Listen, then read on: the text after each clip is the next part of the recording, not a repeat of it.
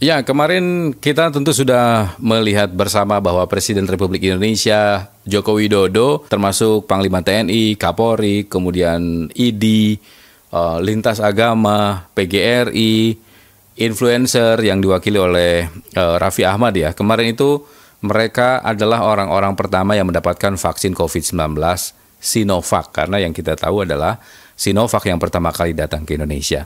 Nah, tapi apakah setelah presiden mendapatkan uh, vaksin, kemudian serta-merta membuat masyarakat percaya dan mau berbondong-bondong untuk divaksin nantinya, ya. Dan setahu saya sampai dengan hari ini masih banyak daerah atau mungkin hampir seluruh daerah belum mendapatkan vaksin itu ya. Artinya masih didistribusi lah. Nah, um, apakah ini soal hoaxnya terlalu banyak sehingga masyarakat banyak yang menolak untuk dilakukan vaksin?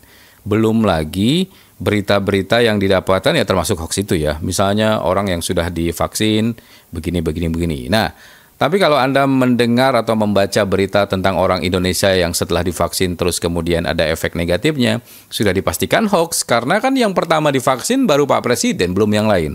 Mungkin itu adalah video atau cuplikan berita dari uh, vaksin yang lain atau di negara lain dan lain sebagainya. Tapi Tentu goalsnya adalah bagaimana supaya kalau ini adalah cara yang paling efektif untuk menghentikan pandemi adalah eh, masyarakat harusnya mulai berbondong-bondong untuk bisa divaksin nantinya ketika vaksin itu datang.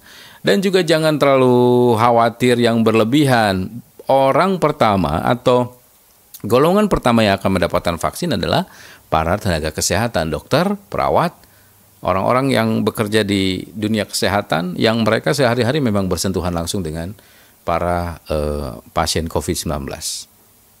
Jadi, hari ini kita akan berbincang dengan seorang komunikolog Indonesia yang juga pakar komunikasi politik, Pak Dr. Emrus Sihombing. Berikut ini. Selamat pagi, Pak Emrus, apa kabar? Selamat pagi, Bung Subwan. Selamat pagi, bagaimana kabar dan pemirsa TV? Ah, baik, alhamdulillah. Dan Pak Imrus mudah-mudahan sekeluarga sehat terus ya, Pak ya. Alhamdulillah, kita jagalah kesehatan. Baik. Kita tahu bersama sudah lihat langsung bahkan uh, disiarkan secara langsung begitu ya, Pak Presiden uh, disuntik vaksin. Nah, apakah serta merta setelah Presiden divaksin maka masyarakat polemik yang ada di masyarakat itu selesai? Mereka semuanya mau divaksin atau gimana? Baik, saya pikir kalau dikatakan selesai tidak, hmm. karena kategori masyarakat ini bisa saya katakan tiga kategori. Hmm. Hmm. Kategori pertama adalah masyarakat yang sadar akan uh, bahaya daripada COVID-19 ini. Hmm. Mereka-mereka hmm. ini pasti uh, mengikuti apa yang disampaikan oleh pemimpinnya hmm. yang sangat dihormati yeah, dalam hal yeah. ini Bapak Presiden. Okay. Kategori kedua adalah mereka yang belum mempunyai pemahaman yang secara holistik hmm. mendalam tentang uh, COVID-19 dengan segala konsekuensinya. Yes. Jadi mereka bisa saja karena kurangnya pengetahuan akan menimbulkan hmm. sikap mereka yang uh, tidak begitu uh, mendukung hmm. dan tentu, tentu berpengaruh terhadap perilaku. Hmm. Tetapi basisnya adalah karena kurangnya pengetahuan dan informasi yang mereka peroleh. Dan yang ketiga, ada saja memang sekelompok orang yang dalam konteks politik, tetapi uh, saya mengatakan tidak dalam politik, tetapi hmm. konteks itu bisa kita melihat selalu sepakat untuk tidak sepakat, karena dia berada yeah, pada yeah suatu kelompok masyarakat yang uh, katakanlah apa pun yang disampaikan dia akan usaha mencari argumentasi-argumentasi lain. Hmm. Nah, mereka dari konteks komunikasi biasanya adalah karena ada kepentingan. Yeah. Maka kelompok ini di dalam komunikasi pembangunan disebut laggards. Apa pun dilakukan uh, selalu akan menolak karena ada uh, mendrive yaitu uh, perilaku mereka. Tapi jumlah mereka ini akan semakin mengecil hmm. ketika uh, kesadaran, sikap dan perilaku masyarakat uh, berkembang dan tumbuh terus. Oleh karena itulah maka saya uh, menyarankan bahwa tetap dilakukan uh, strategi komunikasi promosi kesehatan mm-hmm, untuk menumbuhkan mm-hmm. sikap dan perilaku uh, tersebut. Kemudian kalau kita melihat daripada apa yang di uh, uh, kesediaan Bapak Presiden mm. sebagai orang pertama di Indonesia yeah. dan dia berani mengambil uh, sikap atau katakanlah siap divaksin tersebut hmm. itu menunjukkan sebagai pemimpin yang memang di depan yeah. gitu ya hmm. Hmm. menjadi orang semakin percaya Bapak Presiden aja uh, melakukannya yeah. tetapi bagi orang yang large akan terus mempertanyakan mempertanyakan itu yang di, dengan harapan -hmm. yaitu membentuk opini publik yang uh, yang mereka inginkan. Demikian. Baik. Bagaimana dengan begini Pak Emrus? Uh, ketika Pak Emrus mengatakan ya tidak serta merta juga ketika presiden sudah divaksin maka semua orang mau divaksin, percaya bahwa vaksin ini baik. Ternyata kan faktanya di lapangan Pak Emrus juga termasuk para nakes pun sebagian yang sempat ditanya juga mereka masih ada keraguan Pak Emrus. Apakah ini akan menambah daftar keraguan masyarakat untuk mau divaksin? Baik, bagi para tenaga kerja yang uh, belum apa uh, uh, setuju dengan vaksin ini, saya pikir ini kategori kelompok masyarakat yang kedua. Hmm. Kenapa saya mengatakan itu? Ya karena mereka belum uh, tanda kutip mendapat asupan hmm. komunikasi informasi hmm. yang sangat uh, holistik. Yeah. Kalaupun ada tenaga uh, uh, kesehatan tersebut. Karena menurut saya tenaga kesehatan juga manusia, hmm. berbagi kategori juga, misalnya tingkat katakanlah kesadaran, ya. pengetahuan dan lain-lain sebagainya tentang sesuatu hal. Nah, saya kira hal yang wajar itu bisa terjadi, tetapi kita tidak boleh membiarkan. Hmm. Apa yang kita lakukan? Ya kita dekati mereka, kita persuasi mereka, kita bujuk mereka. Hmm. Seperti kata Bapak Presiden, kalau orang menolak itu akan merugikan dirinya sendiri dan merugikan orang lain di sekitarnya. Hmm. Nah, ini yang harusnya terus digelorakan kepada masyarakat melalui tim komunikasi penanganan COVID-19. Hmm. Kalau menurut pandangan saya, uh, penanganan komunikasi tersebut harus sama dengan penanganan kesehatan. Yeah. Hmm. Tidak boleh penanganan komunikasi itu dalam tanda kutip di nomor dua kan, hmm. tidak boleh. Hmm. Itu harus equal. Bahkan saya berpendapat harus menjadi di depan. Yeah. Maka setiap kegiatan program, termasuk di dalamnya uh, penanganan COVID-19, apa pun kegiatan yang kita lakukan harus dimulai dengan komunikasi, dilanjutkan dengan komunikasi, dan seterusnya dengan komunikasi. Tidak berhenti-henti. Nah, misalnya kalau misalnya ada pandangan yang mengatakan, wah, mas pemerintah telah mengkomunikasikan, betul. Hmm, hmm, ya, tetap, ya. tetap yang katakanlah abai dan bandal kan begitu. Hmm, hmm. Ada pandangan tentang itu, sehingga seolah-olah masyarakat uh, pada posisi disalahkan tanda kutip. Nah, saya berpendapat bahwa justru mereka-mereka yang abai dan uh, dan atau yang bandel ini ini menjadi segmen komunikasi tersendiri hmm. hmm. karena konsep komunikasi tidak ada pesan komunikasi untuk semua orang. Arti, artinya, Oleh karena itu artinya komunikasinya itu harus disesuaikan siapa yang akan mendengar, siapa yang akan menonton kan gitu ya. Tepat sekali. Hmm. Jadi ada kemasan pesan, hmm. strategi komunikasi khusus bagi mereka tanda kutip yang abai, tanda kutip yang bandel tersebut. Misalnya. Oke, okay, okay, Pak, Pak, Pak, Pak Emrus, saya, saya potong ya, saya potong. Berarti selama ini kalau misalnya masih banyak masyarakat yang merasa tidak dapat informasi yang cukup soal vaksin, berarti komunikasinya yang dibuat oleh pemerintah hanya hanya untuk satu golongan saja yang tadi disebut Pak Emrus, hanya yang lebih paham untuk orang yang paham saja kalau gitu. Saya mengatakan bukan untuk satu golongan, hmm. tetapi pesan komunikasi itu dibuat secara general. Hmm. Tidak ada kemasan yang spesifik. Ya, ya. Jadi harus ada kemasan-kemasan yang spesifik. Tetapi saya melihat penanganan komunikasi COVID-19, kalau kita mau lihat, hmm. saya tidak melihat adalah di situ ada komunikoloh komunikoloh handal. Ah, bahkan ya, ya. ada hmm. bahkan ada juru bicaranya itu adalah backgroundnya dari kesehatan. Mereka dengan segala hormat saya, uh-huh. bidang komunikasi itu adalah bidang science, ilmu pengetahuan dan sebagai profesi. Yeah. Serahkan saja mereka kepada uh, ahlinya. Kalau penanganan komunikasinya, serahkan komunikolog komunikolog menangani. Uh-huh. Saya terus terang mengatakan pemerintah belum mengoptimalkan penanganan komunikasi sehingga manajemen komunikasi uh, uh, tidak uh, optimal, uh-huh. efeknya tidak begitu uh, kuat karena kita lihat masih ada sekelompok masyarakat yang uh, disebut tadi abai, bandel dan lain-lain hmm. sebagainya. Padahal itu pernah kategori menurut pandangan saya adalah mereka yang belum uh, menerima informasi secara memadai yeah, dan yeah. dan persuasi yang dilakukan dan kemasan yang segmented. Bahkan saya melihat hmm. gugus tugas gugus tugas yang ada dari tingkat pusat hmm. dan sampai daerah yang khusus menangani komunikasi harusnya yang ada di situ komunikolog komunikolog. Banyak oh, kok di oh, Indonesia komunikolog yeah. itu. Hmm. Di di universitas-universitas terkemuka di Indonesia sudah banyak itu dokter dan profesor-profesor komunikolog. Udah undang mereka, minta partisipasi mereka di semua uh, tingkatan uh, penanganan COVID-19 gugus tugas terus harus ada orang komunikolog. Ya, artinya kalau selama ini yang yang menjadi garda terdepan masih para nakes untuk memberikan untuk memberikan himbauan dan lain sebagainya, secara keilmuan kesehatan mereka paham, tapi secara keilmuan komunikasi kan mereka nggak mampu ya.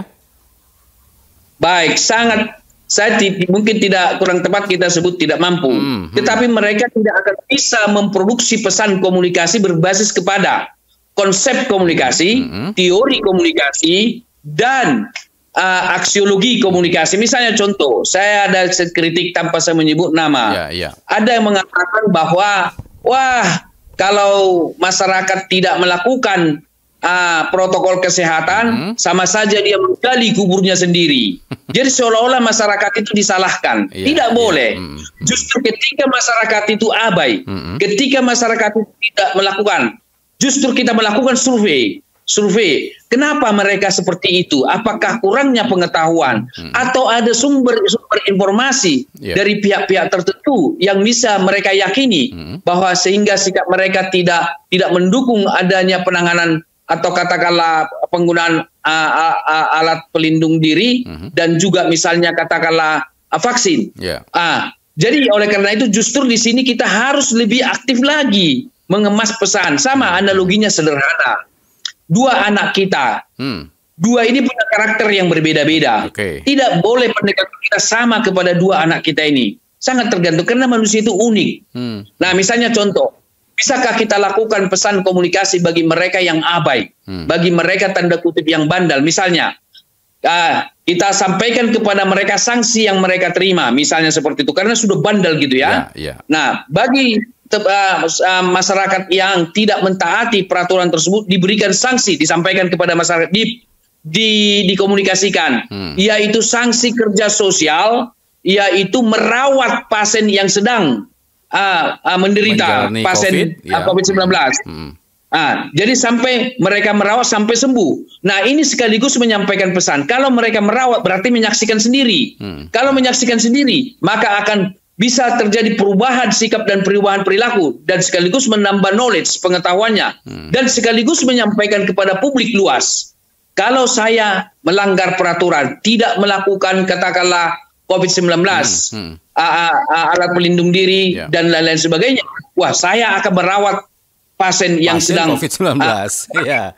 uh, mereka akan berubah yeah. nah ini hmm. salah hmm. satu uh, kemasan salah satu. Mungkin hmm. setelah kita pikirkan kita rancang masih banyak kemasan-kemasan pesan untuk merubah mereka. Demikian. Oke, okay. Pak Emrus. Um, kalau sampai hari ini hoaxnya masih banyak nih Pak Emrus. Hoax mengenai ya. uh, vaksin ini kita kembali ke vaksin ya. Hoax mengenai vaksin itu ya. makin banyak, masih banyak yang kemudian sebagian dari kita masih nggak mau divaksin walaupun presiden sudah disuntik di depan mata kita begitu ya lewat televisi. Menurut Pak Emrus, siapa yang selalu menebarkan isu-isu seperti ini? Pihak mana sebenarnya? Baik, kalau saya berpendapat adalah mereka-mereka yang berada di posisi yang punya kepentingan lah. Hmm. Karena menurut saya penanganan COVID-19 dan uh, adanya vaksin dan pemberian vaksin suatu yang produktif, yeah.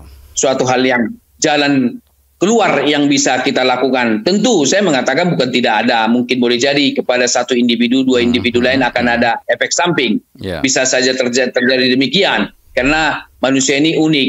Ada stimuli uh, uh, obat tertentu atau hmm. vaksin tertentu menimbulkan reaksi tertentu kepada uh, orang tertentu, tetapi kepada orang mayoritas belum tentu, misalnya yeah, karena yeah. ada keunikan hmm. uh, pada tubuh seseorang tersebut. Nah, mereka yang selalu menolak tersebut kembali ke pertanyaan Bang Supwan tadi, hmm. ya mereka yang uh, dua kategori tadi, yang tidak uh, punya pengetahuan hmm. memadai atau memang punya kepentingan uh, tertentu. Oleh karena itulah kepentingan politik, maka, Pak Emrus. uh, bisa diantar kita duga ke sana, bisa terjadi oh. itu. Karena bagaimanapun kalau kita bicara hmm. politik itu kan uh, kalau kita uh, apa yang dikenal dengan Marsevelian, hmm. yaitu menghalalkan semua cara untuk kepentingan tertentu. Mereka-mereka yang politician yang haus akan kekuasaan, tetapi kalau mereka politician yang negarawan, hmm. saya kira mereka akan uh, uh, uh, uh, kontemplasi dulu, Mak merenung iya. dulu. Ya. Maksud saya begini Pak Emrus. Maksud saya begini Pak Emrus, mohon ya. maaf. Kalau kemudian kita melihat bahwa Pak Prabowo sudah di sudah di kabinet, Pak Sandi juga sudah di kabinet, maka apakah pihak yang kita maksud adalah bukan dari dua golongan ini? Baik, saya tidak bisa mengatakan itu dari golongan mana pun. Mm -hmm. Bahkan dari bukan dari mereka, saya tidak bisa menyebut itu. Biarkanlah uh, nanti kita melihat siapa hmm. saja hmm. orang-orang tersebut. Bisa saja di luar itu bisa saja uh, dari kelompok-kelompok lain lagi gitu ya. Hmm.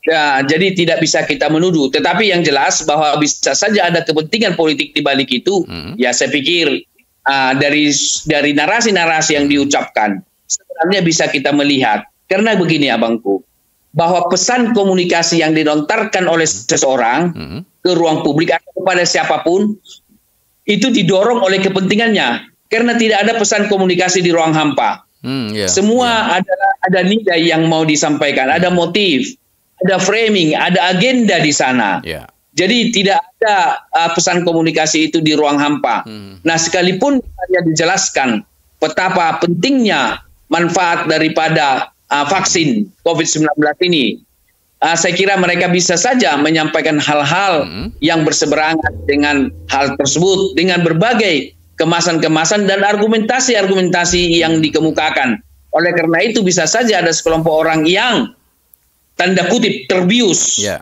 daripada ah, pesan-pesan uh, yang mereka konstruksi itu. Demikian. Hmm, baik.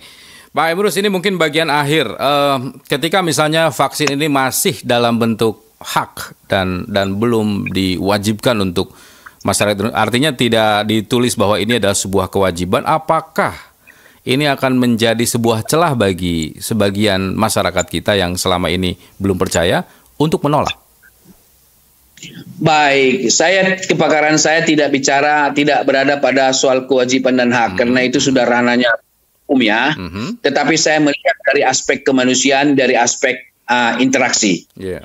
Saya melihat dari aspek kemanusiaan. Mm -hmm. Bukankah vaksin ini sampai saat ini sebagai solusi yang terbaik? Ya, ya. Karena inilah yang kita peroleh. Itu itu kita harus berbasis ke sana kemanusiaan. Hmm. Jadi kita harus uh, katakanlah uh, memilih yang terbaik. Hmm. Boleh jadi belum 100%, belum optimal. Hmm. Tetapi kita harus dihadapkan pada pilihan menggunakan atau tidak menggunakan. Hmm. Nah, kalau saya berpendapat, bukankah lebih baik menggunakan -huh. dengan segala kemungkinan, kemungkinan kekurangannya dan kelemahannya? Yeah. Misalnya tingkat uh, efektivitasnya itu kan belum mencapai 100%. Uh -huh. Masih di sekitar di bawah itu. Yeah. Tapi itulah yang terbaik. Sama halnya analoginya. Ketika kita berada di suatu tempat, hmm. uh, memang kita dalam keadaan katakanlah lapar sekali, ada makanan yang tidak boleh kita makan. Hmm tetapi hmm. karena lapar, boleh nggak kita makan makanan itu demi kesehatan, demi apa katakanlah supaya kita bisa bertahan hidup. hidup. Hmm. Hmm. Nah, seperti itu misalnya. Hmm. Padahal itu sesuatu yang dilarang misalnya untuk kita makan. Yeah. Gitu misalnya ya. Yeah. Yeah. Saya kira pilihan hidup itu itulah ke kemanusiaan yang saya melihat. Hmm. Baru kemudian dari sudut interaksi. Bukankah manusia itu berinteraksi satu dengan yang lain? Hmm. Hmm. Bukankah melalui interaksi antar manusia bisa virus uh, menyebar satu dengan yang lain hmm. karena virus itu tidak bertahan di luar tubuh manusia. Yeah, yeah. Dia akan menyebar dari manusia kepada manusia lain. Hmm. Nah, kalau memang seseorang tersebut menolak, ya sudah uh, isolasi saja dirinya sendiri, jangan berinteraksi dengan manusia lain. Jadi kalau kalau Anda tidak mau divaksin, Ya itu hak Anda, tapi jangan ajak orang lain untuk nggak mau divaksin juga ya Pak ya menurut saya. Baik, tadi ya belum tuntas apa yang jawab tentang hoax gitu ya, ya menyebar. Ya. Hmm, hmm. Nah, saya harus katakan bahwa ruang publik adalah ruang pertarungan. Hmm. Ruang publik adalah dialektika. Ya. Tesis dan antitesis. Bisa saja yang ya, yang kita inginkan bersama untuk kemanusiaan dengan menjelaskan informasi yang lengkap dengan unsur pendidikan dan persuasi supaya masyarakat uh, mempunyai kesadaran penanganan tentang COVID-19 yeah. dengan segala konsekuensinya termasuk penggunaan daripada vaksin tersebut. Mm. uh, uh, itu kita lakukan terus. Tapi di sisi lain ada orang tertentu yang menyampaikan pandangan-pandangan yang berseberangan. Nah, oleh karena itulah kita harus bertarung di ruang publik. Hmm. Kita harus menguasai ruang publik sehingga hoax itu semakin uh, kecil. Salah satu di antaranya, misalnya, yaitu bisakah penanganan yang kita lontarkan ke ruang publik, penanganan uh, COVID-19 yeah. dan juga penggunaan uh, vaksin ini, kita jelaskan dari segi saintifik. Okay. Dengan tentu kemasan-kemasan pesan yang cocok untuk halayak tertentu. Hmm. Hmm. Jadi kalaupun ada yang menolak diajak berdebat secara akademik, secara ilmiah tentang uh, virolog dan tentang virus, tentang uh, virus COVID-19 dan proses penyembuhannya. Berdebat saja sehingga masyarakat akan melihat bahwa argumentasi yang hoax itu sangat lemah sehingga masyarakat tidak mengikuti. Hmm. Intinya yang mau saya katakan adalah ruang publik, ruang pertarungan. Mari kita sama-sama melawan hoax itu ya. dan hmm. uh, sehingga hoax itu akan semakin tertekan, Baik. semakin hilang di ruang publik. Demikian. Baik, karena bagaimanapun dalam hal apa pun hoax itu tidak boleh menang ya uh, harus kita lawan terus dengan berbagai cara. Salah satunya adalah penyampaian informasi yang tepat ya. Hmm. Kan dari segi ilmu komunikasi, ilmu mana pun ada yang dikenal dengan uh, ontologi, epistemologi, aksiologi. Hmm. Yeah. Hmm. Aksiologi penerapan ilmu pengetahuan itu hmm. atau ilmu pengetahuan komunikasi harus sesuai dengan nilai-nilai hmm. di masyarakat. Yeah. Nah, mereka-mereka yang melontarkan hoax itu tidak sesuai dengan aksiologi komunikasi. Oh. Dia telah merusak hmm. uh, uh, ruang publik dengan menemparkan hoax karena tidak sesuai dengan etika uh, komunikasi atau aksiologi komunikasi. Oleh karena itulah maka se sebenarnya paling gampang kita mengidentifikasi pesan-pesan yang hoax itu. Satu adalah tidak rasional. Kemudian ada loncatan-loncatan logika, yeah. sumbernya tak jelas. Kemudian adalah bahwa hoax ini untuk kepentingan-kepentingan tertentu dan tidak siap berdebat hmm. secara terbuka di ruang publik. Yeah. Demikian. Baik. Pak Emrus terima kasih waktunya untuk kali ini. Mudah-mudahan diskusi singkat ini bermanfaat untuk kita semuanya ya Pak Emrus ya. Baik, Baik. terima kasih Bang channel yang diberikan saya sebagai narasumber Siap. di channel Anda. Siap. Jangan kapok nih Pak Emrus, nanti kita diskusi lagi. Pasti, pasti, pasti, okay. pasti. Siap. Saya dengan senang hati Siap. demi hmm. mencerahkan uh, masyarakat. Oke, sehat terus Pak Emrus ya. Baik, nah, terima baik. kasih. Salam sehat buat Siap. Subhan dan uh, penontonnya. Siap, terima kasih. Selamat ya, pagi. Ya, Assalamualaikum ya, Pak Emrus. Waalaikumsalam, salam sehat. Baik. Demikian diskusi singkat saya dengan Pak Emrus yang uh, tentu harapan kita adalah seluruh masyarakat Indonesia makin tercerahkan ya um, setelah kita melihat Presiden Joko Widodo juga sudah divaksin kemarin. Kita harus segera akhiri.